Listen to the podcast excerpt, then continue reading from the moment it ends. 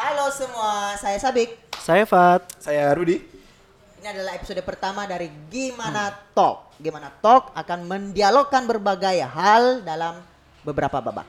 Mantap sekali ya. Wih, episode pertama. Akhirnya enak pertama. juga pemakaian. Susah banget ya berapa kali tag tadi kita tuh. Kurang dari 10 sih lumayan lah. Urusan editor lah. Biar editor banyak kerjanya. Padahal baru episode pertama. Ya maklum lah masih Iya, baru. masih baru, anak baru. Jadi hari ini episode pertama ini kita akan bahas sesuatu yang memang sudah umum sih, sudah umum. Cuma kita akan mempermudah bentuk itu dalam format video yang saya kira sederhana dan memudahkan penonton juga kalau nanti tayang di YouTube ya. Betul sekali. Ha-ha. Jadi kita akan mendialogkan RUU P strip KS. Eh, Pes Strip biar Strip. nggak dikira partai ya. Kayak gitu. Mungkin karena saya yakin ada beberapa orang yang nggak paham dengan apa sih RUU PKS kok betul rame sih sekali. gitu. Takutnya nanti kita malah dikira kader partai tertentu. Iya, makanya P strip KS. KS. Eh, Baik. Apa sih kepanjangannya? Rancangan Undang-Undang Penghapusan Kekerasan Seksual. Oke, menarik, menarik. Ini menarik oh, gayanya Raditya Dika. Oh, ini menarik sih, bukan? Kayaknya gitu kan gayanya. Nah, eh, episode pertama ini saya kira ya cukup berat sih. Cuma gimana teman-teman menyikapi ini saya mau tahu nih. Menurut ente gimana sih? Benar menarik. Kenapa menarik? Sebenarnya akhir-akhir ini. Benar tadi Sabik bilang di awal kalau misalnya sebenarnya ini tuh udah sempat jadi pembahasan yang sudah umum dan lama, tapi sekarang akhirnya naik lagi terutama di berita-berita ya. Betul, Ada betul, betul. beberapa headline memang ngebahas ini, beberapa komunitas, beberapa lembaga mungkin Hmm. ngebahas ini karena memang rancangan undang-undang ini sebenarnya sudah lama. Kalau nggak salah tahun 2016 atau 2017 2017 kalau nggak 2017 salah. 2017 masuk mulai di masuk DPR di DPR ya. benar. di DPR masuk 2017 sampai akhirnya eh, sekarang rame lagi di tahun 2020. Betul. Yang mana itu sudah sekitar tiga tahunan berarti. Hmm. Cuman akhirnya yang membuat rame gara-gara wakil kok ada suara pintu. Gak apa-apa tempat umum sih, gak apa-apa. Wakil Komnas bukan Komnas, wakil Komisi 8 DPR. DPR RI dia sempat bilang kalau misalnya tadinya jadi ini RUU ini udah masuk prolegnas. Jadi yang belum tahu prolegnas ini adalah program legislasi nasional. Ya. Nah, yang tadinya udah masuk menjadi pembahasan prolegnas tahun 2020 akhirnya harus di take down nih. RUU PKS-nya ini. Ah, ya. karena katanya sulit pembahasannya banyak yang pro dan kontra akhirnya. Alasannya sebenarnya sangat lucu ya, karena kalau mau dilihat eh, tingkatan kesulitan dalam pembahasan undang-undang itu seperti apa sih sebenarnya? Eh, karena juga yang akhirnya keluar dan mencuat di masyarakat ini misalnya eh, masih alot di perdebatan tentang definisi ataupun penggunaan-penggunaan kata istilah di dalam RU PKS ini. Iya iya betul. Nah, betul. kalau misalnya, kalau misalnya yang masih menjadi perdebatan itu cuman berdasarkan di definisi atau mungkin ini bisa dibilang berarti cuman eh, tentang apa namanya? redaksi kontekstual berarti. Kan saya pikir eh, wakil-wakil rakyat kita tuh yang di sana seharusnya sudah bisa menemukan titik tengah kalau memang benar-benar membahas ini dan memang menganggap ini menjadi suatu isu yang Penting ya. urgensi dan penting banget untuk segera Atau disahkan, mungkin beliau-beliaunya sedang sibuk. Enggak karena memang karena memang nggak lagi tidak dianggap menjadi prioritas sekarang karena eh, alasannya sih juga karena pandemi. Jadi ada beberapa Wow, undang- kalau pandemi kenapa ada undang-undang yang lain juga disahkan? Nah, itu yang jadi pertanyaan. Maksudnya ada beberapa RUU yang dianggap lebih eh, urgen sifatnya karena sekarang lagi di masa pandemi yang misalnya Omnibus Law itu nggak nyambung sih sama pandemi. Omnibus Law itu Ya, Minerba kayaknya juga tidak nyambung Minerba ya. juga. Ya sebenarnya itulah jadi pertanyaan kita semua dan itulah yang menjadi menarik untuk kita bahas bersama-sama kan pada kesempatan kali Kalau ini. menu- menurut gua nih, kalau misalnya dengan alasan sulit pengesahan RUU di tengah pandemi ini, kalau melihat banyaknya RUU yang ada sekitar ada tiga apa du- dua sih yang disahkan ketika masa pandemi ini, Hmm, kalau tidak salah. Em, kalau misalnya itu urgen diterapkan di tengah-tengah pandemi ini, otomatis RUU eh, PKS itu urgen banget loh. Karena ketika pemerintah mengatakan stay at home, Benar. di rumah itu bersentuhan dengan keluarga sedangkan Hmm. KDRT dan lain-lain itu pasti pasti ber, ber- apa bersinggungan dengan eh, konflik eh, di RUU PKS-nya juga. Tapi sebenarnya yang dimaksud dengan kekerasan seksual di sini ada berapa poin aja?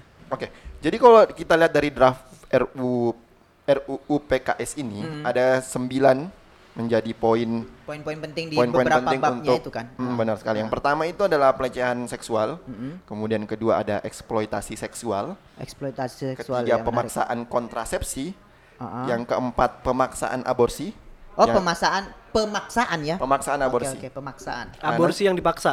aborsi yang dipaksa. Oh, Makanya oke. nanti sebenarnya eh, banyak yang kenapa banyak eh, pihak yang menolak RUU PKS ini karena memang ada eh, redaksi-redaksi yang dianggap multitafsir. Hmm, iya betul betul. Oke, betul. selanjutkan Oke, dulu lanjut, ya. lanjut, lanjut. Tadi keempat pemaksaan aborsi, yang kelima adalah perkosaan, keenam itu pemaksaan perkawinan, ketujuh pemaksaan pelacuran, kedelapan perbudakan seksual, dan kesembilan yaitu penyiksaan seksual. Itu sembilan poin yang menjadi Fokus. fokus untuk eh, dibahas, bukan dibahas sih, yang, yang untuk menjerat para para para pelaku kekerasan seksual. Iya sih, kalau menurut saya sih dari yang kalau misalnya kita googling-googling gitu, Hmm. kita browsing banyak hal yang sebenarnya sederhana aja sih RUU PKS ini. Wujud RUU PKS ini lebih ke menafsirkan atau le- melengkapi secara tindak pidana. Benar-benar. Jadi tindak pidana itu diatur dalam sini supaya apa? Untuk melengkapi pasal-pasal kayak undang-undang yang mengatur tentang ini loh, eh, KDRT sama eh, pasal-pasal apa lagi tuh? Eh, eh, apa namanya? perzinahan dan lain-lain begitu. Nah, dalam sini itu lebih konkret lagi bahkan hal-hal yang sifatnya internal begitu bahkan dalam urusan rumah tangga itu di ingin di, ingin ingin di backup dalam arti ingin di Dilindungi. Ah, ah, diakomodir dalam pasal-pasal ini. Misal misalnya contoh kasusnya kalau misalnya ada suami, ini kan yang menarik tuh waktu si Ustadz eh Teguh Zulkarnain, dia bilang kalau misalnya istri ya manut aja gitu ikut aja sama istri tinggal rebahan nggak sakit kok gitu.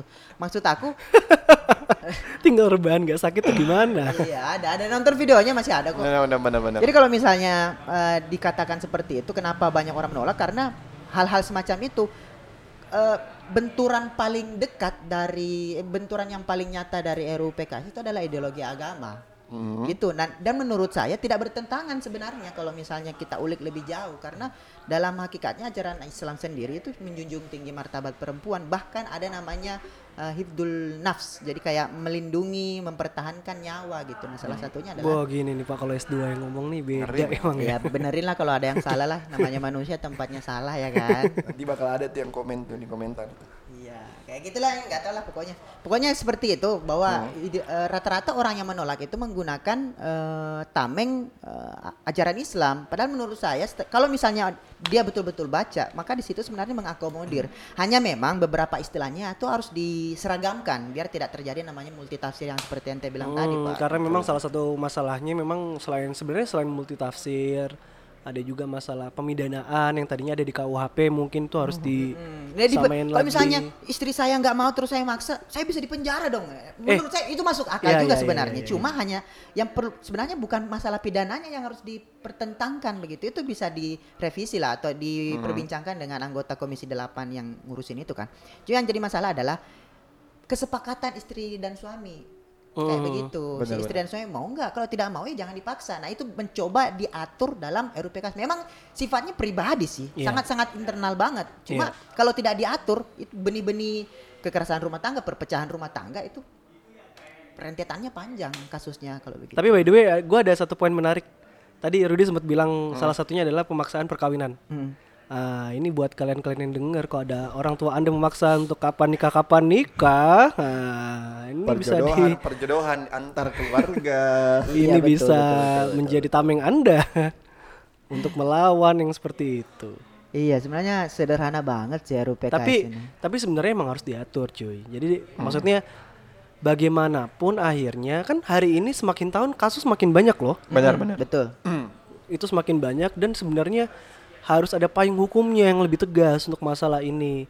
Jadi kalau misalnya ya gue sih nggak tahu ya apakah benar-benar dianggap belum urgent apa gimana sama bapak-bapak kita yang terhormat yang sedang sibuk ngurusin undang-undang yang lain Tetapi kalau misalnya kasus makin banyak ini bakal serius. Maksud gue mau sampai korban berapa lagi nih? Sampai dianggap serius? Apakah harus yang banyak banget korbannya? Misalnya sampai ya nauzubillah zalik ya sampai sampai amit-amit sampai 100 ribu misalnya kasus per tahun gitu ya. Serem juga. Jadi emang harus bener ada apa ya kayak payung hukum yang akhirnya masuk di leg spesialisnya seperti itu kalau Iya. mungkin di mungkin ya orang hukum yang lebih paham ini. Sebenarnya RUU PKS ini berada pada perspektif si korban. Heeh. Nah, dan perlu kita ketahui bahwa RUU PKS ini bukan hanya mencakup gen eh, apa namanya gender tertentu atau jenis kelamin tertentu. Jadi sebenarnya dua-duanya Cakupannya ya. umum karena tidak cowok, disebutkan PKSP.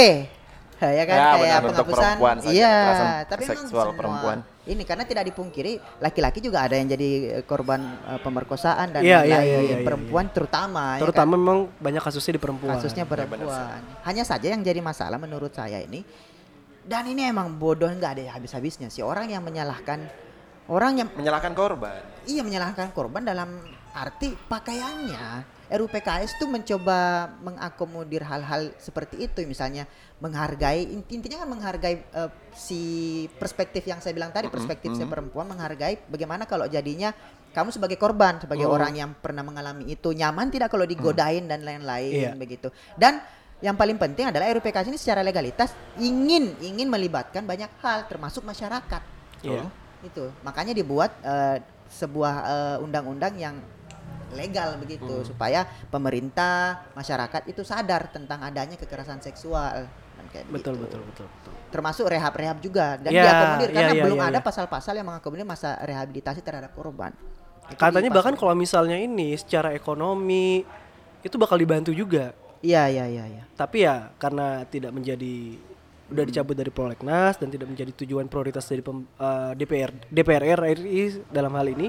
Jadi kayak itu tidak jadi Ya, mungkin. benar sekali sih. Makanya sebenarnya eh RUU PKS ini kan untuk melindungi korban yang seharusnya ya. Iya, iya. Bayangin coba selama ini itu banyak kejadian, banyak korban yang takut melaporkan eh kejadian yang dia alami itu karena dia selalu punya pikiran bahwa kalau saya melaporkan nanti saya malah saya yang disalahkan. Iya, karena sejauh ini eh, di Indonesia yang terjadi khususnya di Indonesia ya. Iya. Setiap eh, ada korban ini itu anggapannya orang-orang yang yang saya bilang tadi ideologi agama itu menganggap bahwa orang yang menjadi korban eh, kekerasan seksual atau pemerkosaan begitu selalu dilihat sebagai orang yang melakukan perzinahan. Hmm. Oke. Perzinahan sehingga ada yang namanya diskriminatif terhadap korban-korban itu. Kayak begitu selalu dianggap ini. Cuma yang jadi concern sekarang bahkan yang lagi rame nih, orang Hmm. tuh lupa kalau RUU PKS tuh belum sah begitu atau ditolak eh, dari pleknasnya DPR. BDPR. Yang mereka ributkan di Twitter apa coba? Kalau di Twitter di di Sosial media, sosial media. pakaian. Iya RUU. PKS Iya, tuh nggak bahas benar, tentang benar. pakaian. Selalu. bahas. Iya. Ini maksudnya bukan masalah lu nafsu terus lu memperkosa orang, nggak cuman sesimpel itu gitu loh. Jadi Iya. emang apa ya? Maksudnya dalam poin-poin yang tadi udah disebutin itu sekompleks itu sebenarnya udah enak tuh. Mm-mm. Apa-apa aja karena Sebena- pelecehan seksual tidak melulu masalah pemerkosaan. Benar-benar. Iya. Karena ya begini, kalau kita lihat misalnya dari data ya, eh bahkan kalau nggak salah itu ada museumnya, museum. Jadi ada suatu Iya sebuah iya iya. museum tuh Yang yang, yang semua pakaian-pakaian perempuan kan? benar-benar pakaian-pakaian para korban, Korban kekerasan pelecehan itu seksual. Oh, iya, dikumpulkan iya, dalam iya, sebuah ruangan kayak Iya, begitu dan iya, iya. mayoritas kita lihat itu pakaiannya bahkan tidak mendekati Rata-rata tertutup. tertutup, tidak tertutup, Tertutup. bukan yang seksi dalam tanda kutip.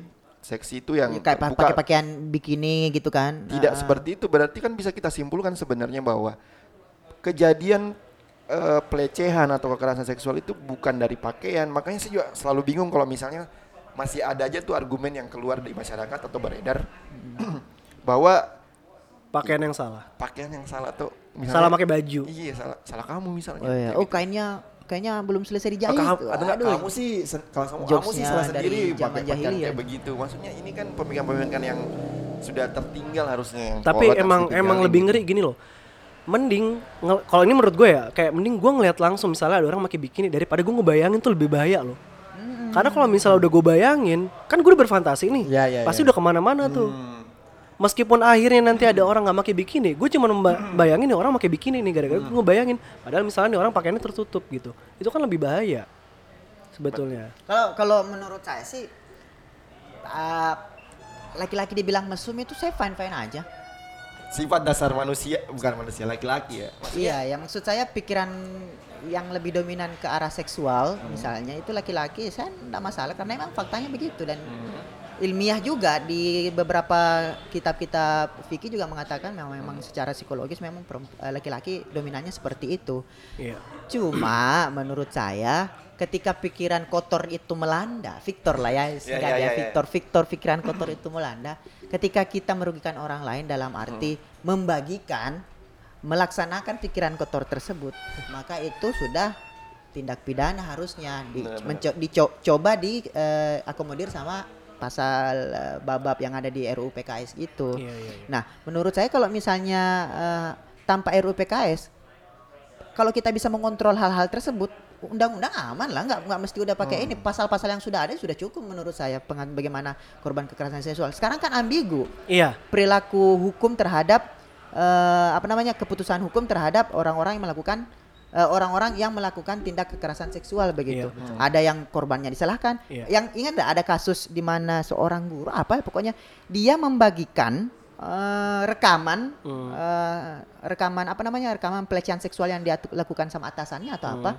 Tapi yang bersalah si ininya si pelapornya ini padahal dia yang jadi korban. Oh, tahu tahu saya itu kalau nggak salah namanya Iya, di- Nu- Ibu Nurul. Iya ya pokoknya kasus Eh. itulah ingat gak sih kalau kita tahu, ini. tahu. Nah itu menurut saya hal-hal semacam itu yang harusnya diakomodir karena sudah ada buktinya. Hmm. Nah itu rembetannya adalah kalau RUU-nya nggak matang juga konsekuensinya seperti itu misalnya eh, undang-undang ITE misalnya Hmm. itu dijerat dengan pasal itu kan. Iya, si ibu itu. Iya. Benar-benar dijerat dengan Gitu. pasal Jadi UU kalau misalnya memang ada beberapa yang mas, menurut saya masuk akal. Misalnya bagaimana dong kalau misalnya ini diterapkan? Berarti ada beberapa eh, pasal-pasal dalam undang-undang perkawinan itu harus direvisi. Ya udah revisi aja. Apa bedanya? Ini Iya, toh iya. bagus. Kalau misalnya nggak merevisi, ya coba deh dipelajari baik-baik. Mungkin titik sulitnya adalah menentukan itu tidak itu karena dia pikirnya, wah anjir ini rembetannya ke mana-mana. Iya, iya, revisi iya, banyak iya. p- pasal-pasal yang udah undang-undang yang udah Tapi yang jelas ini harus bener-bener ini ya maksudnya di, diseriusin karena mau nggak mau ini udah urgent banget gitu loh. urgent banget. Jangan sampai misalnya masa kita harus menunggu kasus kalau misalnya bukan di Indonesia ya, kalau misalnya kita di luar misalnya Jeffrey Epstein atau enggak kalau kalian yang udah nonton Bombshell masalah Fox News ada pelecehan seksual di situ. Jadi kenapa harus karyawan harus pakai rok semua segala macem. Nah itu kan jangan sampai sampai kejadian besar yang kayak gitu. Dan akhirnya ya maksudnya takutnya nih apalagi di Indonesia juga punya negara-negara yang mengundang eh sorry tempat-tempat yang mengundang negara-negara lain kayak misalnya Bali apa segala macem dia jadi nggak nyaman nih Mm-mm. kalau misalnya dia pengen datang ke Bali segala macam karena emang itu sekali lagi kalau misalnya pun dia diapa-apain ya khususnya untuk warga warganya sendiri apa kabar orang lain gitu yang udah datang tamunya gitu kan jadi dampaknya emang luas gitu Betul betul betul. Benar. Jadi memang pelecehan atau sorry, ya pelecehan seksual itu memang terjadi di sekitar kita. Banyak banget gitu. atau mungkin Saking banyaknya. kita tidak sadar sudah melakukan itu Bukan makanya itu saya mau bilang. Saking banyaknya dan seringnya mungkin kita lihat kita kadang-kadang mungkin nggak sadar bahwa yang kita lakukan itu sebuah sebuah bentuk pelecehan. Karena eh, misalnya kalau dalam ruang lingkup di pertemanan mungkin ya, kadang-kadang kita tanpa sadar karena merasa akrab gitu, eh, ngenyolek, colek lah atau apa gitu, ngerangkul gitu, bisa saja itu bisa menjadi bentuk Cipika-cipiki ternyata dia nggak siap dicium. Cipika-cipiki. makanya, Eh, makanya. ah, gimana? atau enggak yang cuman seksual. doang Sia-sia catcalling gitu ya catcalling kayak gitu misalnya Itu dalam tongkrongan ada cewek yang lewat kan ada pasti cakep ada aja tuh yang ada aja tuh yang kayak gitu-gitu kan yang catcalling yang Kalau menurut saya sih yang saya tangkap ini kalau misalnya RUU ini disahkan ah, mungkin ini pi- pikiran-pikiran SJW atau feminis Ah, dan lain-lain Ah. begitu yang support terhadap RUU PKS dan ini menurut saya ada positifnya juga. Jadi kalian sadar nggak sih kalau UU ITE itu menciptakan atmosfer ketakutan kalau kita melakukan ini mengunggah ini? Iya iya nah iya. saya sih berharap undang-undang tersebut menciptakan atmosfer bisa ada ketakutan. kayak stigma orang Iya. ya. Jadi kalau dia ada pengen ngapa-ngapain, self, con- ah, ah. self controlnya gitu. Jadi kayak eh Iya ada cewek ada cewek. Godain aku deh jangan cuk. Mau kena pasal ini kan mau undang. Benar, sekarang jokesnya kita kan gitu Iya, setiap iya, kali mau iya, ngundah iya, gini. Eh nanti ada hoax nih di iya pidana. eh nanti kena hoax nih Atau enggak minimal kayak, "Wih, pencemaran nama baik Iya, bisa." ada ada keluar meme meme. Niu niu niu gitu gambar kayak jadi jadi rem kan jadinya. Yes. Gitu. secara tidak langsung ya. pengennya seperti itu. Dan itu Semoga banyak banget kan pasalnya kan ada aborsi juga Banget, banget. pem- pemaksaan alat kontrasepsi dan lain-lain. Nah alat kontrasepsi pemasangan itu memang harus kesepakatan sih menurut saya. Kecuali ya emang harus di susah juga sih kalau misalnya undang-undang banyak undang-undang itu yang bak cakep cuy kalau kita mau cari tahu. Cuma terkendala di sosialisasi dan lain-lainnya. Akhirnya orang cuma tahu RUU PKS itu berkaitan dengan kekerasan seksual padahal situ diatur tentang aborsi, banget eh, tentang alat kontrasepsi dan perkawinan lain-lain. juga Iya. itu juga yang menjadi eh, titik titik perhatian kita bersama sebenarnya kan kenapa ini yang menjadi penting gitu. Bukan bukan menjadi bukan kita lihat dari segi pelecehan seksualnya aja yang selama ini gitu yang kontak fisik aja gitu. Lebih dari itu kan ini dibutuhkan hampir semua orang gitu. Mm-mm. Dan lagi-lagi memang menurut saya sederhananya intinya adalah RUU PKS ini diterapkan tidak apa-apa, diterapkan aja karena itu bakal jadi semacam self controlnya masyarakat gitu ketika ingin melakukan sesuatu. Karena hal-hal kecil aja kalau misalnya eh, catch calling itu kan memicu mempengaruhi teman-teman. Misalnya ada satu orang nih saya misalnya melakukan catch calling Kerudi. ke ya boleh lah boleh. Ke Rudi misalnya. Terus nggak apa-apa kan? Terus terus teman saya di samping saya atau sebelah kiri saya di antara ini mungkin ada yang ikutan. Pasti. kayak Iya, gitu. iya, iya. karena itu karena dianggap bercanda sedangkan tidak semuanya orang nyaman dengan itu. Karena ketakutan catcalling itu menimbulkan ke- ketakutan kalau orang lewat tuh pikiran-pikiran manusia tuh kayak aduh digombalin digosipin dari belakang nih aduh di- dibilangin pinggul saya gede apa dan lain Diperhatiin gitu. iya pikiran itu sebenarnya harusnya orang kalau mau hidup santai aja gitu Iya, mau Pak. jalan di trotoar nyaman aja. Kayak menurut saya hal-hal semacam ini penting untuk ini karena kenapa? Dampak besarnya udah banyak pemerkosaan kekerasan seksual Iya, KDRT dan lain-lain lah. Belum lagi masalah-masalah pedofil dan lain-lain saya lagi pengen coba ngajak kita semua ini lagi ngeduskis ngedus Discuss dong. pakai bahasa Indonesia aja kenapa sih iya diskusi Ribet banget. Untungnya bahasa internasional bukan bahasa Yunani, cuk, tambah susah lagi. oke Gak apa-apa itu gak usah dikat sih, lucu banget sih tadi itu. Oke, jadi nanti masukin bumper, eh bukan bumper, di, di, di, di akhir itu. Iya, iya. Eh, Jadi gini, saya lagi mau ngajak kita coba eh, menelaah atau enggak kita lagi ngediskusi ini poin-poin yang tadi aku sebutin. dalam Yang sembilan itu kan, ya. Sembilan yang menjadi titik fokus RU PKS. ini.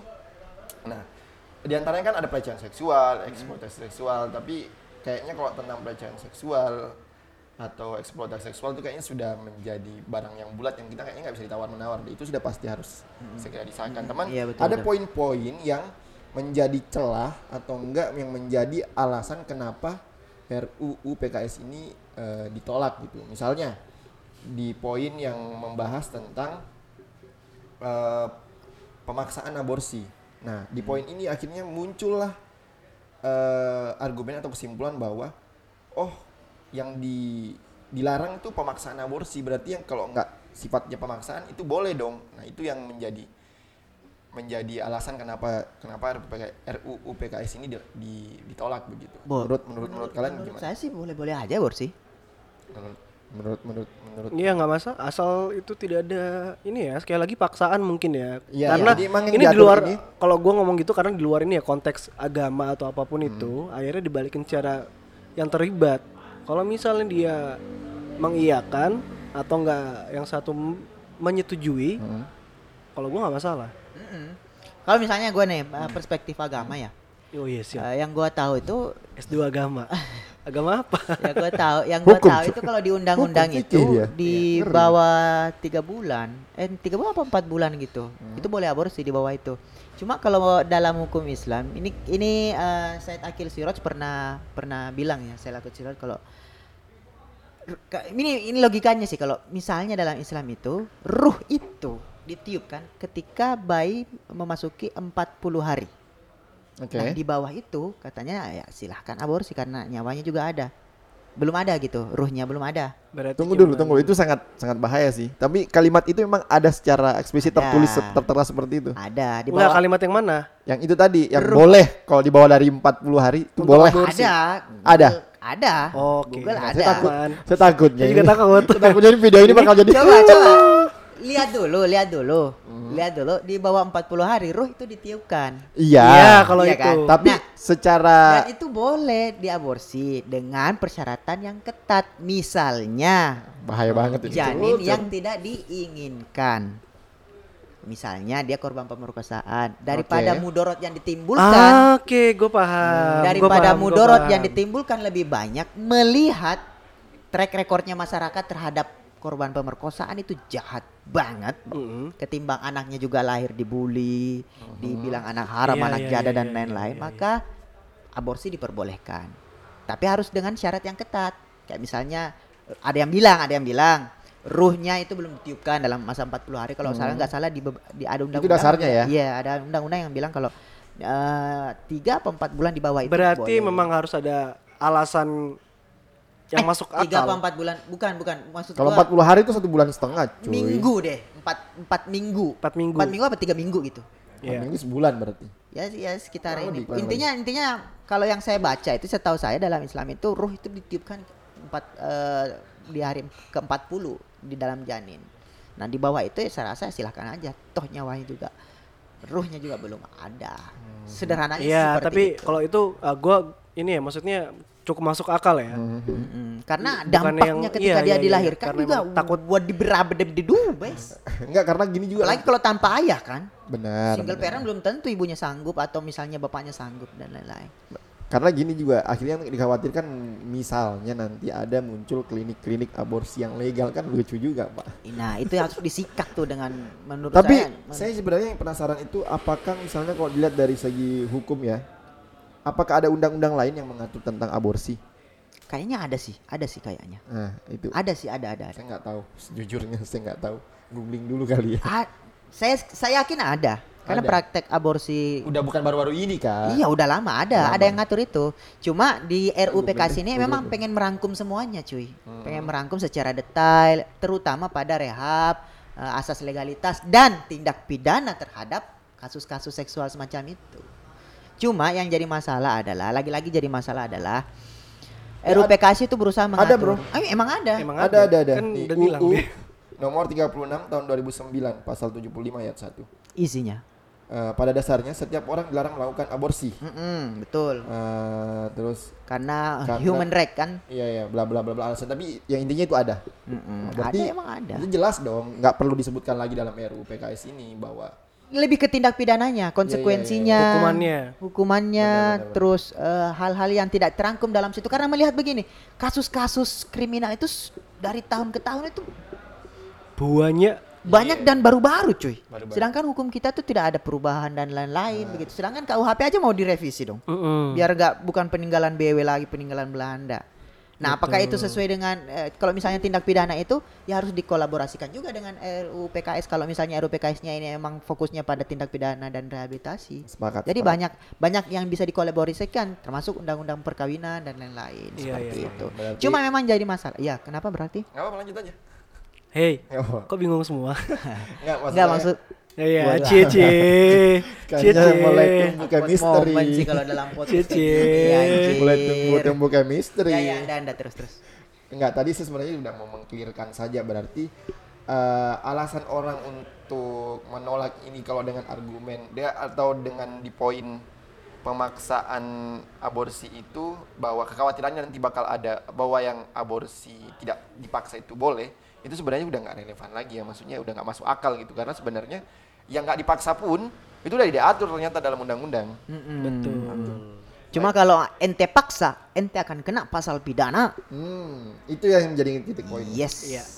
Lanjut ya Dan termasuk dengan rehabilitasi, misalnya kalau dia sudah melakukan aborsi atau tidak melakukan aborsi, harusnya diatur di sini juga dong bagaimana sikapnya, sosialisasi ke Harusnya ya. masyarakat dan Jadi lain-lain. kayak emang step by stepnya. Iya, negara negara itu. memfasilitasi hal tersebut begitu dengan kasus-kasus tersebut. Harusnya ada rehab-rehab dong sama korban-korban Iya, iya, seperti iya. itu termasuk anak-anaknya kalau misalnya memilih untuk dilahirkan dan tidak aborsi. Iya makanya ada sekali lagi adanya uh, RUU ini untuk mengakomodir itu semua. Jadi ada Iya. kayak nggak cuman uh, dia direhab, tapi ada kayak apa ya diberikan pengarahan, diberikan kayak apa ya, dikasih kayak psikologi gitu loh, diberikan gitunya lah. pendampingan Pendampingan itu psikisnya yang penting ah, sebenarnya. itu yang penting juga. oke sepakat Jadi buat teman-teman di kalau misalnya pengen buka eh, draft-draft eh, undang-undangnya itu bisa diakses Udah di banyak sih. Beberapa. Di- Cuma yang yang lucu terakhir aku akses tuh di DPR-nya sendiri, Di website DP- DPR.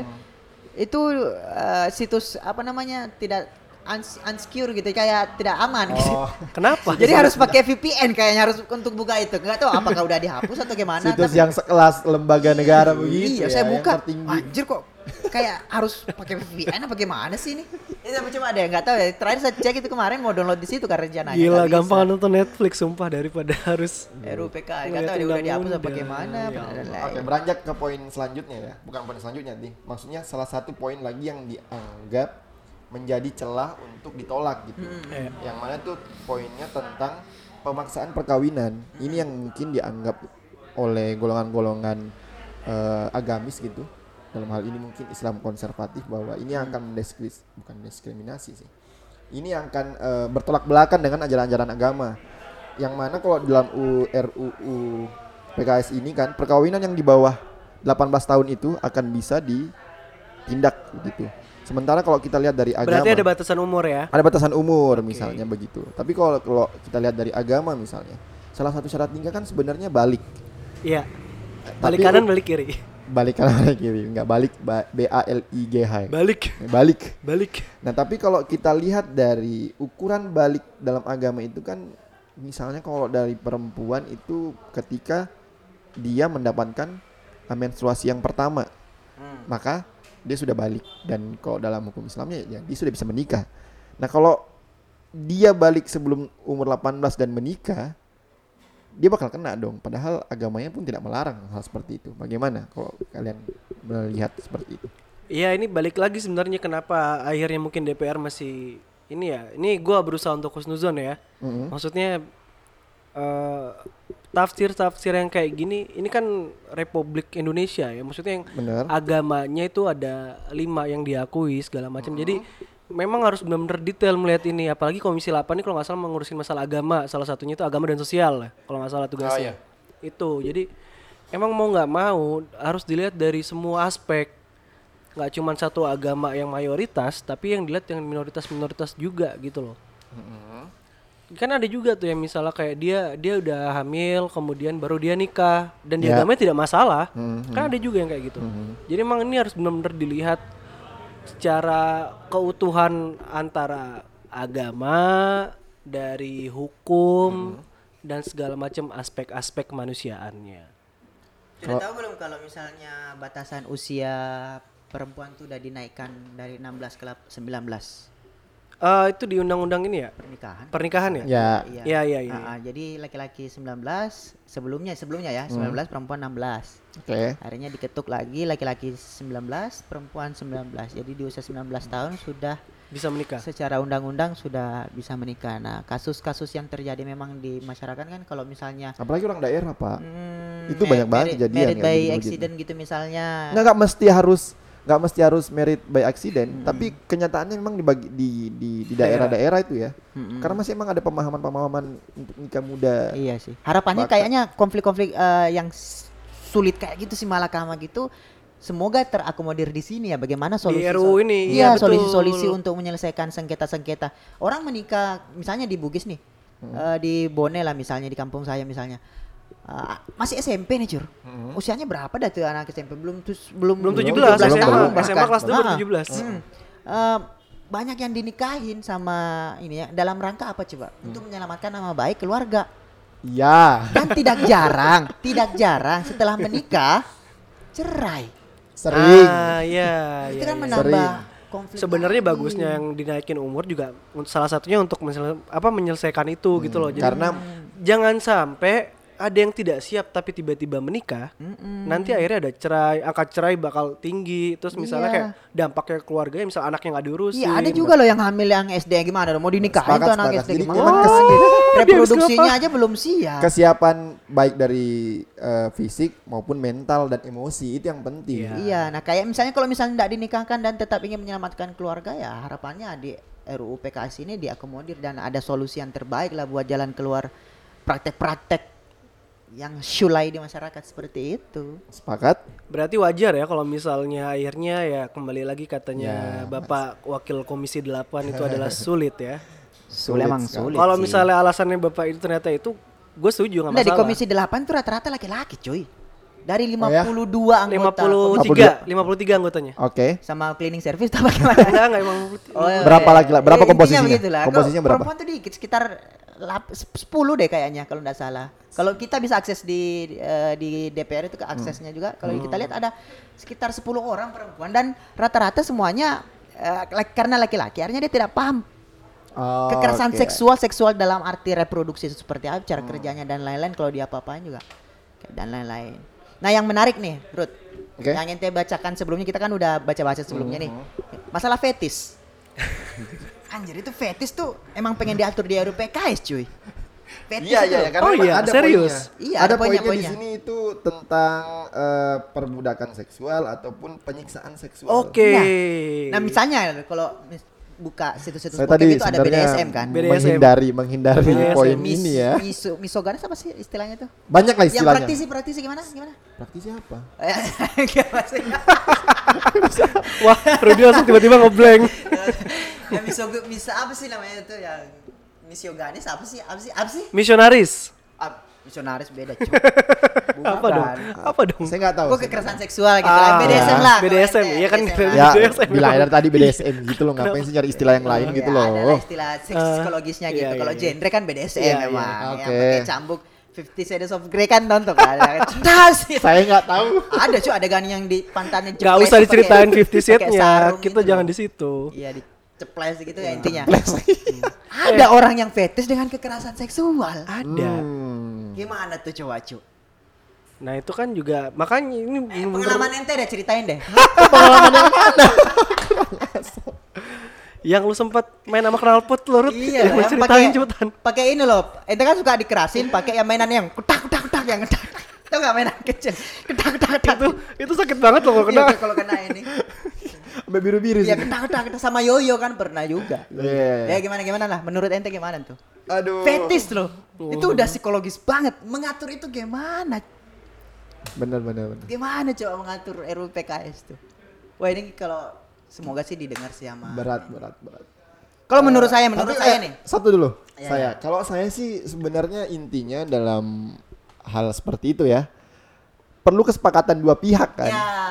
Antara mau dan mau dan suka dan su Jangan sampai dia mau nggak mau tapi suka tidak sama suka kan Iya. susah Ya, juga. tetap perlu pemaksaan, Tetap ada bakal unsur salah satunya bakal merasa di di Kalau eksploitasi, ini ya maksud gitu gua loh. oh, ini kalau misalnya kita Maksudnya kayak ngelihat ngelihat ke eksploitasi luar seksual, negeri, um. di luar negeri misalnya, kalau nggak salah ini tolong benerin mungkin Jerman atau apa ya, dia mengatur ini kita nggak ngomongin masalah kekerasan seksualnya. Hmm. Misal ada orang yang pengen bersetubuh, Oke. ya kan? Tapi kalau misalnya salah satu ada yang nggak setuju dianggap itu pemerkosaan, itu ada undang-undangnya. Ah iya oh iya. di luar negeri. Nah, kalau di Indonesia yang tadi Rudy bilang masalah kekerasan seksual, Ha-ha. apalagi ini orang udah nggak setuju diperkosa dan dikasih kekerasan seksual. Yap. Kasus dulu pas gue masih kuliah di Malang, masuk cangkul pak. Oh yang yang kasus seorang Iya. perempuan yang diperkosa berapa? Eh berapa orang pelakunya tuh? Dia sempat rame, ya pokoknya Oke. ramean juga. Cangkul. Dimasukin cangkul, udah pembunuhan, pemerkosaan, kekerasan seksual kan gila. Oh, Oke, Itu. oke, oke. Kayaknya saya pernah dengar deh. Meninggal orangnya. Akhirnya ini Siap. cewek kasihan meninggal. Meninggal, Pak. Gila lu. Salah satu pelakunya kalau nggak cangkul salah namanya. Rudy apa enggak ya? Iya.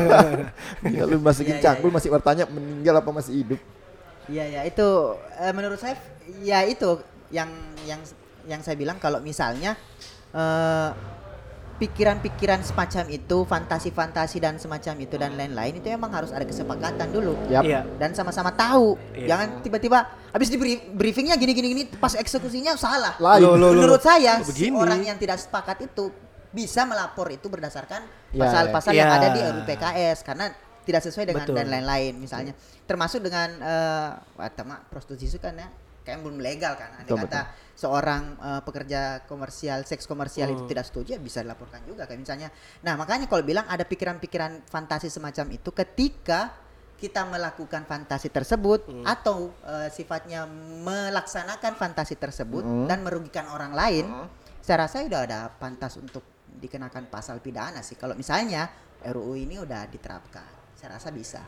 Termasuk seorang istri. Yang tidak mau berhubungan seksual Oh, dengan iya. istrinya karena kenapa misalnya eh, eh, dinding-dinding ininya ada semacam bisul atau ada luka dan lain-lain Iya iya iya. iya. dan sedangkan suaminya mau gitu loh Ya Iya. nggak bisa dipaksa, cuy. Nah. Tapi kalau tunggu dulu. Kalau itu dilihat dari perspektif agama ya, gimana maksudnya? Solusinya Seorang istri misalnya menolak ajakan dari Suami. suami. Itu gimana dilihat dari agama? Apakah misalnya suami Sebenarnya nggak istri itu bakal berdosa atau dianggap tidak berbakti kepada suami atau bagaimana? Kan itu yang juga menjadi Iya, iya, memang memang ada kalau misalnya yang paling harmonis itu kan. Ah. Islam itu kan sebenarnya ada untuk mengentaskan perilaku-perilaku jahiliyah gitu yang menomorduakan eh, gender perempuan begitu, Iya. jenis kelamin perempuan. Islam ada di situ. Nah, ketika si laki-laki ini terlihat sangat otoriter terhadap Ah, sosok oke. perempuan otomatis secara tidak langsung dia sudah tidak menghargai gender si istrinya, gender perempuan tersebut. Iya. Kayak begitu kalau misalnya suami yang baik, suami yang Yang sang- intinya pokoknya berdua saling Ya, mengerti. begini deh, pernikahan itu kan bukan untuk memperbudak perempuan supaya ngikutin kemauan laki-laki. seharusnya idealnya seperti itu. Mengikuti kemauan laki-laki. Hmm, Yang iya. namanya menikah itu kan mencari pendamping, pendamping itu berdampingan. Jadi equality-nya itu dapat cuy. An- Ini maunya begini, ini maunya selama komunikasinya tersampaikan. Kalau misalnya tidak mau ya sabar. Hmm. Kayak begitu. Enggak maksudnya Udah menikah belum? Belum pan. Belum kan? Saya udah. Oh iya, pantesan lancar bener ngomongnya. Kenapa harus digeser ke sana? Arahnya nggak ke sana. Arahnya ke sini maksudnya Mas Iya, Abdi. maksudnya. Misalnya itu kejadian, Iya, terus iya, iya. ada seorang istri yang eh, melaporkan suaminya. Hmm. Itu gimana? Maksudnya apa? Nah di pengadilan itu saya nggak tahu kalau pidana yang saya dapat perdata gitu di perdataan itu ada namanya mediasi Iya. Oh, Si- Oke. si suami dan istri dimediasi dulu sebelum diserahkan keputusan hakim jadi saya rasa bisa diselesaikan di mediasi itu secara kekeluargaan Iya, secara tahapnya gitu kan. dan lagian kalau misalnya ditolak mediasi satu nggak kali juga misalnya perempuannya Hmm. jahat lagi nggak mau nih Eh. suaminya marah nih masa langsung dilaporkan atau misalnya lagi di ini lakukan enggak lah saya rasa tekanan-tekanan itu yang bikin orang tuh akhirnya beranjak ingin melaporkan seseorang karena tekanannya sudah besar yang Iya, iya. dia rasa mungkin tapi ya. kalau satu kali dua kali saya rasa bisa lah diobrolkan begitu. Diobrolin baik-baik ya? Iya. Eh, Saya ta- saya tanya deh. Kalau ada orang yang pengen gituan sama istrinya, sedangkan istrinya lagi haid, haid itu jangka waktunya ada sekitar tujuh hari lebih loh. Oke. Kalau haidnya perempuan itu menstruasinya tuh. Hmm. Kalau misalnya dalam waktu itu suaminya lagi pengen, gimana dong? Saya Masa di- dipaksa istrinya? Nggak bisa. Oke. Jadi alasan Sepakat, misalnya, misalnya si eh, Ustaz Teku Zulkarnain bilang kalau lagi mau gimana dong? Tinggal rebahan aja, enak enak. Nggak sakit kok dibilang sakit gitu kan. Ya nggak bisa gitu. Itu lucu sih, itu argumen Kalau paling lucu yang istrinya pernah saya antum dengar. itu sedang haid, Ah, ah. enteng enteng ngapain kalau lagi lagi tinggi? Iya. Ya lakukan itu ketika istri anda lagi nggak mood. Lagi pula sebenarnya ada solusi sih dari Islam. Kalau misalnya untuk men- untuk menurunkan nafsu ya, untuk menekan gitu. Colai. Bukan. Oh, bukan. Puasa kan? Iya, Iya. puasa terbaik. Salah satu salah satu caranya untuk Iya. Saya iya. pengen bawa ke masalah colai sih, cuma masalah colai ini perspektifnya banyak beragam juga. Ada yang membolehkan. Kita tidak usah Cuma terlalu jauh membahas itu. Iya. Usah lah. Kita Itu- langsung lanjut poin selanjutnya. Kalau pembahasan detail tuh saya berani berdebat solusi dari orang yang sedang nafsu dan cabul tapi ingin melakukan tersebut supaya tidak merugikan orang lain. Jadi kalau paling dari gua, eh, gua berharap besar kalau misalnya ini segera disahkan. Kalaupun memang kata DPR harus ditunda, kemudian masuk prolegnas tahun 2021, eh, semoga juga DPR ada cara, maksudnya untuk meyakinkan kita kalau itu benar-benar terjadi. Kalaupun memang nanti masih dirasa susah, semoga nggak cuman Komisi 8 yang bekerja, tapi mungkin bisa rangkul komisi komisi 3 bagian hukum atau mungkin komisi-komisi yang lainnya karena Pak please ini tuh sangat urgent gitu loh itu kalau dari gua Oke.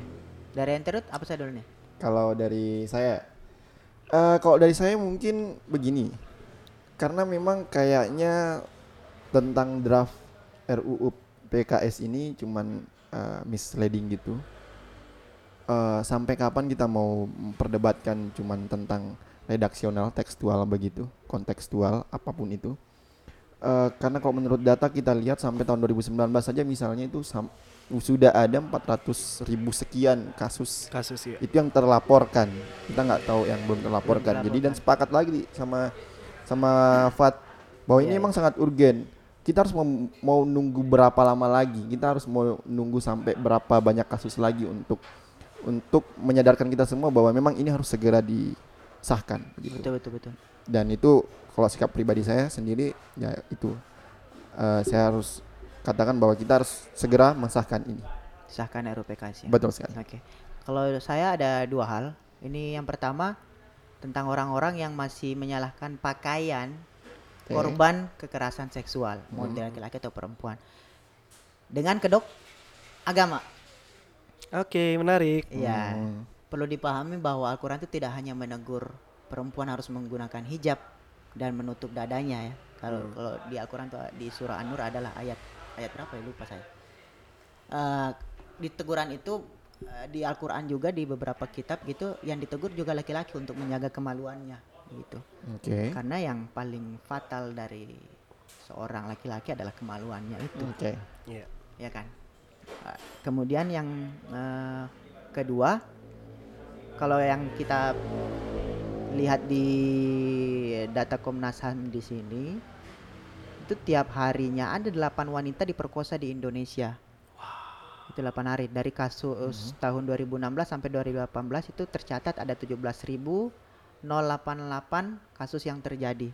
Nah itu dari perempuan aja nih yang dikatakan dari Komnas belum dari pihak laki-lakinya juga karena Iya. tidak dipungkiri laki-laki juga bisa jadi itu korban. yang kekerasan terdata? seksual. Iya Iya, dan iya. itu yang terdata belum yang tidak terdata begitu. Oke. Kalau misalnya tiap harinya ada delapan orang perempuan diperkosa, ketika RUU PKS ini ditunda satu hari ada delapan orang perempuan yang dikorbankan. Oke. Dua hari otomatis ada 16. 16. Dan itu bertambah lagi. Kalau misalnya ditunggu sampai 2021, ada berapa bulan yang kita lewati untuk mengorbankan banyaknya perempuan Iya. yang eh, harus ditumbalkan untuk mengesahkan seperti ini begitu. Memang ketika eh, eh, RUU ini ditetapkan eh, atau disahkan begitu, kekerasan seksual pasti ada, tapi setidaknya kita sudah berusaha untuk meminimalisir itu dengan sangat keras lew- melalui rehabilitasi dan eh, tindak pidana. Iya. Sepakat. Nah, jadi sikap saya adalah sahkan sesegera mungkin karena Anda wakil rakyat yang jangan sampai mengorbankan rakyatnya, cuy. Sepakat. Sepakat Pak. Ayo Pak, as soon as possible. Terima kasih teman-teman sudah menyaksikan obrolan kami, dialog kami, eh, menonton, mendengarkan dan lain-lain. Semoga menjadi eh, muhasabah. Wih, ih, Ya, kalau ada bahasa. pembelajarannya semoga bisa diambil. Kalau enggak mohon maaf sekali. Minimal juga bisa menyadarkan juga ya Iya. kita semua tentang berapa pentingnya eh, RUU PKS ini. Iya, dan mohon maaf jika ada salah kata karena kami hanya manusia biasa dan netizen pada umumnya. Betul. Dan Jangan kami juga rakyat jelata. Kalau dilaporkan ya jangan dong, nggak punya apa-apa kita. Jangan. Lu revisi lah kapan-kapan kita bahas revisi Baru UU episode ITE ya. 1, baru episode 1 langsung Langsung dilaporkan. dilaporkan. Jangan Wah, dong. Jangan, jangan. Oke. Dan kita ingin terima kasih juga buat tempat yang Wah, Tempat yang sudah menyediakan, tempat apa tempat yang ini? sudah menyediakan. Sudah memfasilitasi kami di sini. Kopi sudah Cindra. Tempat. Kopi, Kopi, Cindra, mantap. thank you. Kopinya mantap. kopi Nusantara. Saya suka kopinya. Ya, di sini emang gelas kosong tapi tadi saya udah pesan di sana. iya, iya. Ini mejanya bagus nih, nggak ada di kafe-kafe lain meja-meja Bisa kayak gini. bunyi dong, bunyi Oh, dong bunyi ya? ini. Sorry, sorry, sorry. Kalau begitu, sampai jumpa di episode Selanjutnya. selanjutnya. Gimana?